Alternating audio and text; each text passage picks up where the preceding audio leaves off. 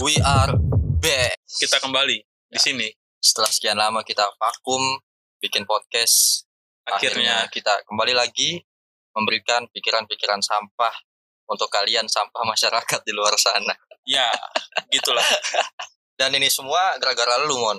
Enggak, Lu tuh enggak, bangsat. enggak, enggak. Gue mau ngasih Enggak, kritik buat lu. Gua nih. enggak mau denger. Ini Kritik lu semua enggak jelas. gara-gara Enggak, enggak, enggak, enggak mau. si Montu ini setiap kali gue ajakin update Enggak, enggak, enggak, enggak, Gak enggak. pernah mau. Enggak, enggak. Ini kritik Gua nih. gua enggak mau terima Gue mau kritik. mengkritik lu. Enggak. ya lu seperti rezim. Rezim? Pemain film dong. Rezim Rahardian. Reza ya tadi sebenarnya kita cuma parodi sih ya. Kita cuma parodi tentang mungkin ada kaitannya sama topik kita kali ini. Kita mau ngebahas tentang Apa? kritik, Kita mau ngebahas apa? kritik, Kritik. kritik. Mungkin sebelumnya kita jelasin dulu kali ya kenapa kita baru bisa update sekarang ini. Boleh. Sebenarnya lu sih, udah dari kemarin-kemarin bisa, Rel. Jelasin dulu kenapa kita baru update lagi sekarang. Ya, kenapa? Kita eh, baru kelar-kelar ujian-ujian lah kemarin. Ada yang ikut Ya. ujian-ujian mandiri gitu. Karena Karena sekarang ada waktu buat nge-record lagi sekarang. Ya, kita baru selesai mengikuti rangkaian berbagai ujian-ujian baik itu SBMPTN ataupun mandiri di kampus yang berbeda-beda. Betul. Dan kemarin juga gue baru balik dari luar kota, dari Jogja. Dan ternyata Farel positif COVID. Belum, Belum. belum, belum. Alhamdulillah belum. Alhamdulillah. Yaudah, intinya kita baru selesai dengan kesibukan ujian kita dan sekarang waktu yang mungkin udah cukup bebas buat kita bikin podcast lagi. Kuning-kuning, Rel. Apa tuh? Kuning-kuning. Buat? Ngambang. ada yang menarik tentang kuning-kuning, Rel. Kenapa tuh? Lagi heboh tuh. Lagi heboh tuh di berita-berita. Kenapa Iya. tuh? Kayaknya lu yang lebih ngikutin daripada gue. Nah, jadi kemarin tuh ada berita ya. Eh, jadi salah satu Kuning-kuning pokoknya. salah satu badan eksekutif mahasiswa di Universitas UI, Universitas India, eh, mengkritik Presiden Negara Kesatuan Republik India.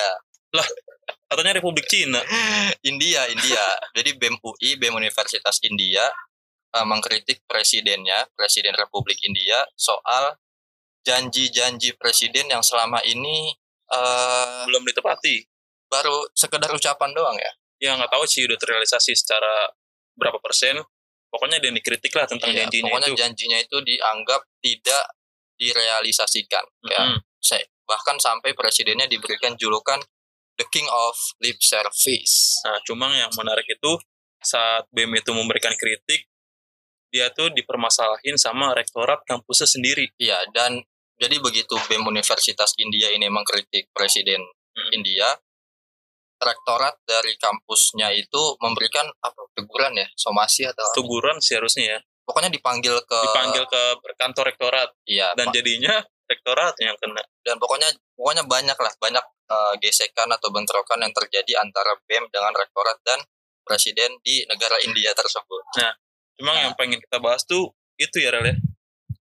Saat kita memberikan kritik tuh harusnya nggak dipermasalahin ya. Ya, dan ntar dulu kita kasih disclaimer dulu mungkin. Yang mau kita bahas di sini bukanlah eh, peristiwa yang terjadi antara BEM, rektorat dan presiden di negara India tersebut, melainkan kita lebih mengambil sisi kritiknya secara umum. Betul, betul, betul. Kita ingin mengambil sisi kritik secara umum dan akan kita bahas di sini. Iya, Apa? Mau- Lu mau bahas dari mana coba? yang itu rel menurut gua saat kita mengkritik sesuatu nggak ada salahnya apalagi di negara kita negara yang bebas untuk berpendapat kita Negara punya- India bukan negara kita. oh iya di negara India kan punya hak kan Gimana sih iya? hak untuk berpendapat hak untuk mengemuka, mengemukakan apa yang ingin kita bicarakan Freedom of speech lah. ya kan Nah. harusnya nggak ada salahnya dong mengkritik Boleh, boleh asalkan aja, sah-sah aja. kritiknya dilakukan dengan cara yang benar dan memang benar kritiknya Betul. In- Intinya kritik itu boleh-boleh aja asalkan sesuai jalur. sesuai jalurnya dilakukan dengan benar dan tujuannya benar Iya. membenarkan yang benar Membenarkan yang benar kan benar menurut kita sama orang-orang beda ya dong ya boleh boleh boleh dong Iya dan sebenarnya kritik itu kalau gua ya, hmm. uh, gua merasa entah kenapa di negara India kritik itu dianggap wujud permusuhan. Wujud permusuhan Iya, jadi kalau misalkan ada A mengkritik B, seolah-olah A sama B ini musuhan gitu.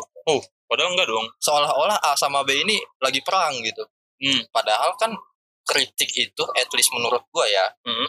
wujud kepedulian Bahkan ada definisinya pun mengatakan seperti itu, Rel. Coba, dari mana? Ya. Ini dari Wikipedia, Wikipedia ensiklopedia bebas. oke Kritik adalah proses analisis dan evaluasi terhadap sesuatu dengan tujuan untuk meningkatkan pemahaman, oke memperluas apresiasi atau membantu memperbaiki pekerjaan. positif maknanya Positif. maknanya positif Kritik itu sebenarnya positif. Ya. Yang negatif adalah orang-orangnya. maksudnya gimana tuh Orang-orang yang menyalahgunakan kritik ini sebagai ajang buat melakukan hal yang mereka inginkan, Rel.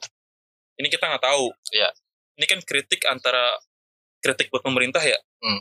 Sebenarnya bisa aja pemerintahnya nggak ada masalah dengan kritik-kritik ini, oke tapi bisa jadi ada orang-orang oknum-oknum luar sono yang Ya. memanfaatkan kritik ini, Rel. buzzer Kenapa buzzer? biasanya kan buzzer yang suka manas-manasin suasana Mm-mm. mungkin gini kali ya gua waktu itu baca di Twitter jadi ada salah satu seorang nge-tweet bunyi tweetnya presiden India ini kayak mantan saya Kenapa tuh? cuma janji doang nggak ditepatin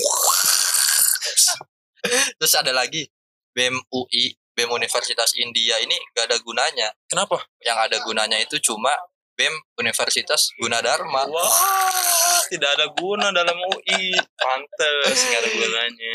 ya maksud gua ini orang-orang yang kayak gini mendingan diem deh mendingan nggak usah speak up deh Heeh. orang-orang yang kayak gini nih oknum-oknum ya oknum-oknum yang kayak gini mending kalian diem aja kalau emang gak ngerti udah nggak usah speak up apa-apa gitu Hmm. karena speak upnya kalian itu membuat substansi kritik yang sebenarnya menjadi tenggelam tertutup sama speak up speak up sampah kalian. Bisa. Ini sebenarnya kalau menurut gue ya ini tuh masih lebih bagus. Soalnya kan masih jokes lah istilahnya ya. Masih cuma ngurangin substansi dari kritikannya itu atau ya gimana lah. Ya. cuma yang lebih parah itu kalau menurut gue kalau kritik ini bikin kita jadi musuhan. Itu dia yang Ada kan? tadi yang permasalahan tadi kenapa di, di negara India kritik tuh menjadi wujud permusuhan? Nah makanya kita jangan seperti itu rel. Ya, padahal ya kalau menurut gua Hmm. tingkat kebencian tertinggi itu level kebencian tertinggi itu adalah ketika lu udah diem sama sesuatu. Diem? Ketika lu udah cuek udah nggak peduli apa-apa.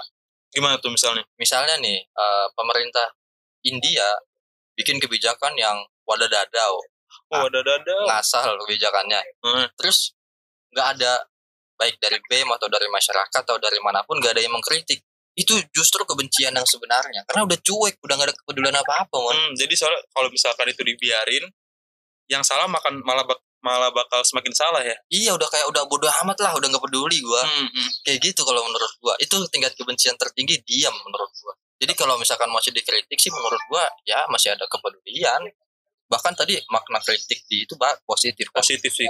Nah, cuma gue ada satu lagi nih, Rel.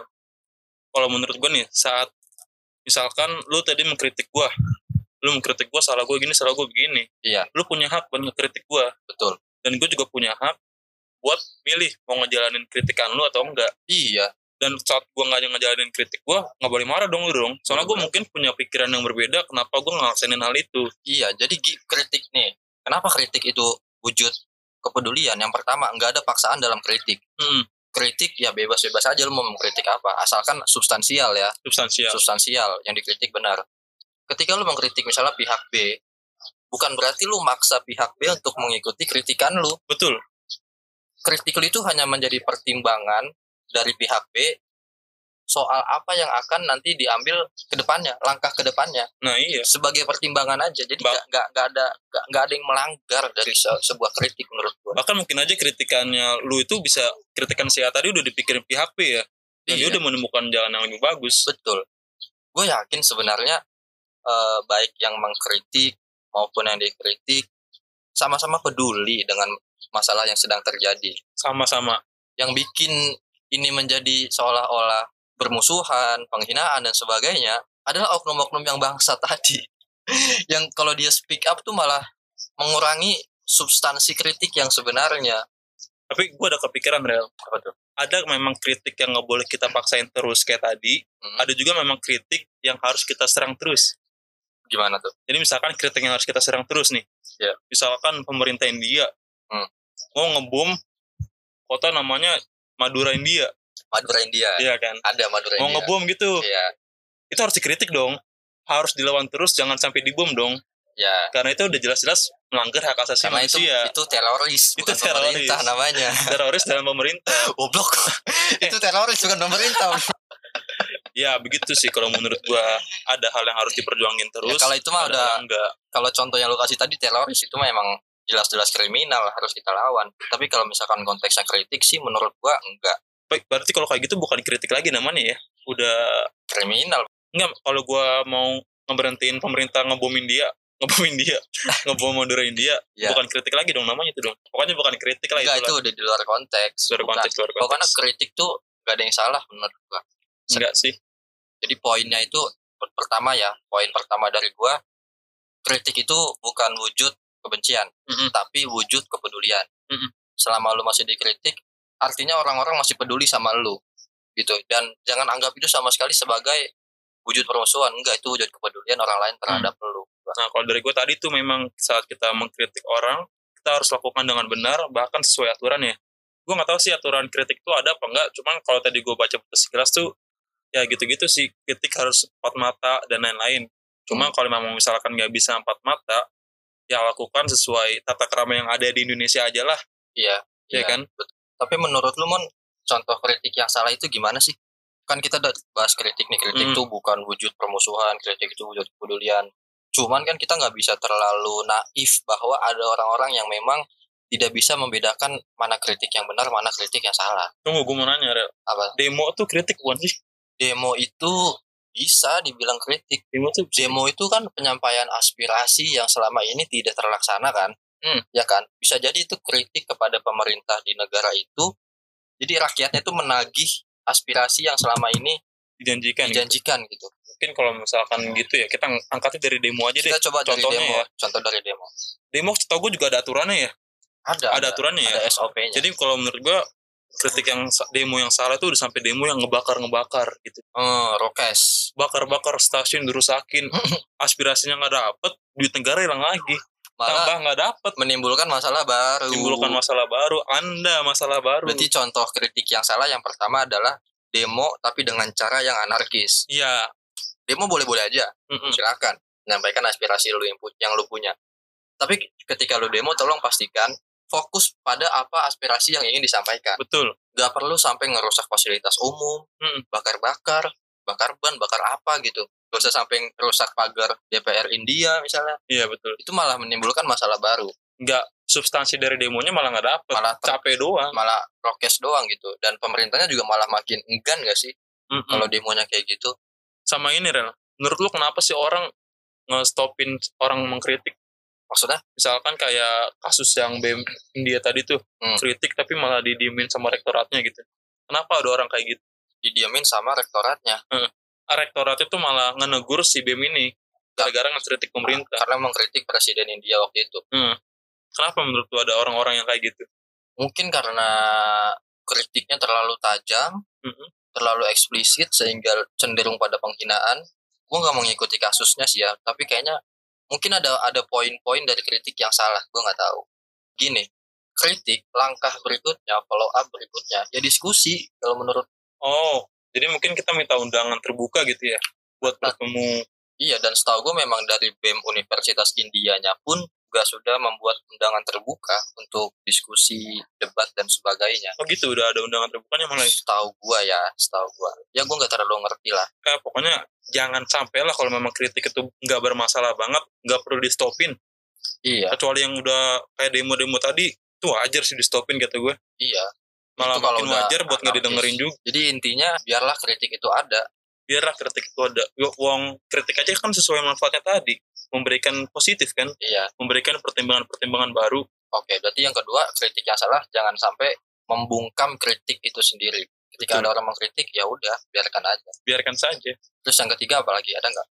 jangan memaksakan kritik kita buat dipenuhin Jangan memaksakan kritik kita buat dipenuhin buat dipenuhin. Contohnya gimana? yang kayak tadi gue bilang kalau misalkan lu nyuruh ngkritik gue atas sesuatu, suatu hal seperti gue nggak bisa podcast gara-gara ujian gitu misalnya Iya. wajar gue nolak orang gue lagi mempersiapkan masa depan gue Ah. kan ada hal-hal yang gue pikirin juga kan di luar hal lu pikirin Berarti intinya tetap mengkritik tapi nggak boleh memaksa. nggak boleh memaksa Ya. kecuali bom Madura India tadi Kecuali sudah kecuali sudah melanggar properti right orang lain. Iya, ada hak-hak yang dilanggar, ada hak-hak yang diambil. Iya. Ya, gitu sih Itu kalau kan sebenarnya freedom of speech nggak sih kritik itu? Kayak lu punya pendapat apa, ada Iya. permasalahan, lu punya solusi tersendiri dan lu sampaikan solusi itu dalam bentuk kritik. Betul. boleh-boleh aja dong. Tapi ingat lagi, negara kita negara yang punya sopan santun dan tata krama. Semuanya harus dilakukan dengan sopan santun dan tata krama itu. Iya. Ada SOP-nya, Ada SOP-nya. ada SOP-nya. Semoga ada. Ada. Gua nggak tahu dong. Harusnya ada. Itu sih kalau dari gua aja. Iya, betul. Kita Gitu rangkum lagi coba kita kita kasih sih. Tadi berapa poin sih? Berarti Coba dari lu dulu. negara kita negara yang punya tata krama dan sopan santun. Begitu juga dengan kritik. Kritik itu harus kita lakukan dengan tata krama yang ada dan sopan santun yang ada. Oke. Terus kedua, kita nggak boleh marah jika kritik kita nggak dipenuhi. Ya. Karena bisa aja orang yang kita kritik tuh punya pikiran-pikiran lain. Ya. Dan pikiran yang kita kritik itu udah dipertimbangin sebelumnya. Jadi bukan paksaan tapi pertimbangan. Betul. Kalau dari gua yang ketiga adalah kritik itu bukan wujud permusuhan. Kritik itu wujud kepedulian. Hmm. Level kebencian tertinggi menurut gua itu adalah ketika lu udah cuek, ketika semua orang udah cuek sama lu. Hmm. Ketika lu udah nggak dapat kritik, ketika lu udah nggak dikasih masukan, itu kebencian yang sebenarnya menurut gua. Kalau kritik enggak, kepedulian justru. Kepedulian. Ya. Terus yang kedua, buat oknum sampah di luar sana yang kalian sebenarnya nggak ngerti tentang apa substansi dari kritik yang disampaikan, lebih baik diam, serius deh, lebih baik diam. Nggak usah pakai bikin-bikin Jokowi kayak mantan saya, terus kayak BEM UI nggak ada gunanya, yang ada gunanya guna dharma. Wah. Tapi itu hiburan sih kalau kata gua nggak terlalu bermasalah yang itulah. Kalau menurut gua enggak, menurut gua itu tetap harus diminimalisir karena bisa membuat bumerang kepada pihak yang memberikan kritik. Malah nanti persepsi masyarakat melihat kritik tersebut sebagai penghinaan, literally penghinaan. Gitu. Hmm. Jadi kalau menurut gua buat oknum-oknum yang tidak begitu mengerti, lebih baik kalian tahan dulu aja. Atau kalau emang punya jokes tentang yang sedang terjadi saat itu, ya di di di circle-circle terdekat aja lah, di tongkrongan, di teman-teman lu, tempat lu mainnya kayak gitu-gitu aja. Jangan di ranah publik. Hmm. Dah, itu Berarti dari itu doang yang dari kita ya buat kritik ya. Ya. Empat itu aja. Ya dah. Ah, ini kan kita udah kelar-kelar ujian nih. Ya. Soon kita bakal lebih sering update nih. Ya. Kita juga bakal lebih aktif di sosmed, makanya follow dong. Follow Instagram kita. Apa Instagram kita? Podcast mas. Follow Instagram kita. Makna Talks. Enggak gitu dong. Yang bener lah. Instagram kita Trash Talks. Yang S-nya tiga. S-nya 3. Ya, S-nya tiga. Triple S. Mungkin kita sebelum kita tutup kita mau Ucapkan terima kasih yang sangat mendalam kepada BEM. BEM Universitas India eh, jangan jangan pernah patah semangat untuk menye- menyelesaikan masalah yang ada di negara India ini ya tetap sampaikan eh, kritik dan aspirasi sebagaimana jalurnya dan untuk presiden India pun jangan terlalu acuh terhadap kritik-kritik yang diberikan Eh, kritik itu bukan wujud permusuhan ya justru itu adalah wujud kepedulian eh, masyarakat pada negaranya Mungkin ke depannya kalau ada diskusi Nasionalisme. antara presiden dan mahasiswa lebih keren ya. kita dukung itu sih Berharap banget ada. kita kita kita dukung eh, diskusi antar antar pihak yang berkaitan dengan masalah saat ini. Ntar yang ngomong Farel. Tunggu aja. Bentar lagi Farel jadi ketua BEM. Universitas India. Ya begitulah pokoknya dari kita. Yaudah itu aja dari gua. Sekian terima kasih. Bye bye.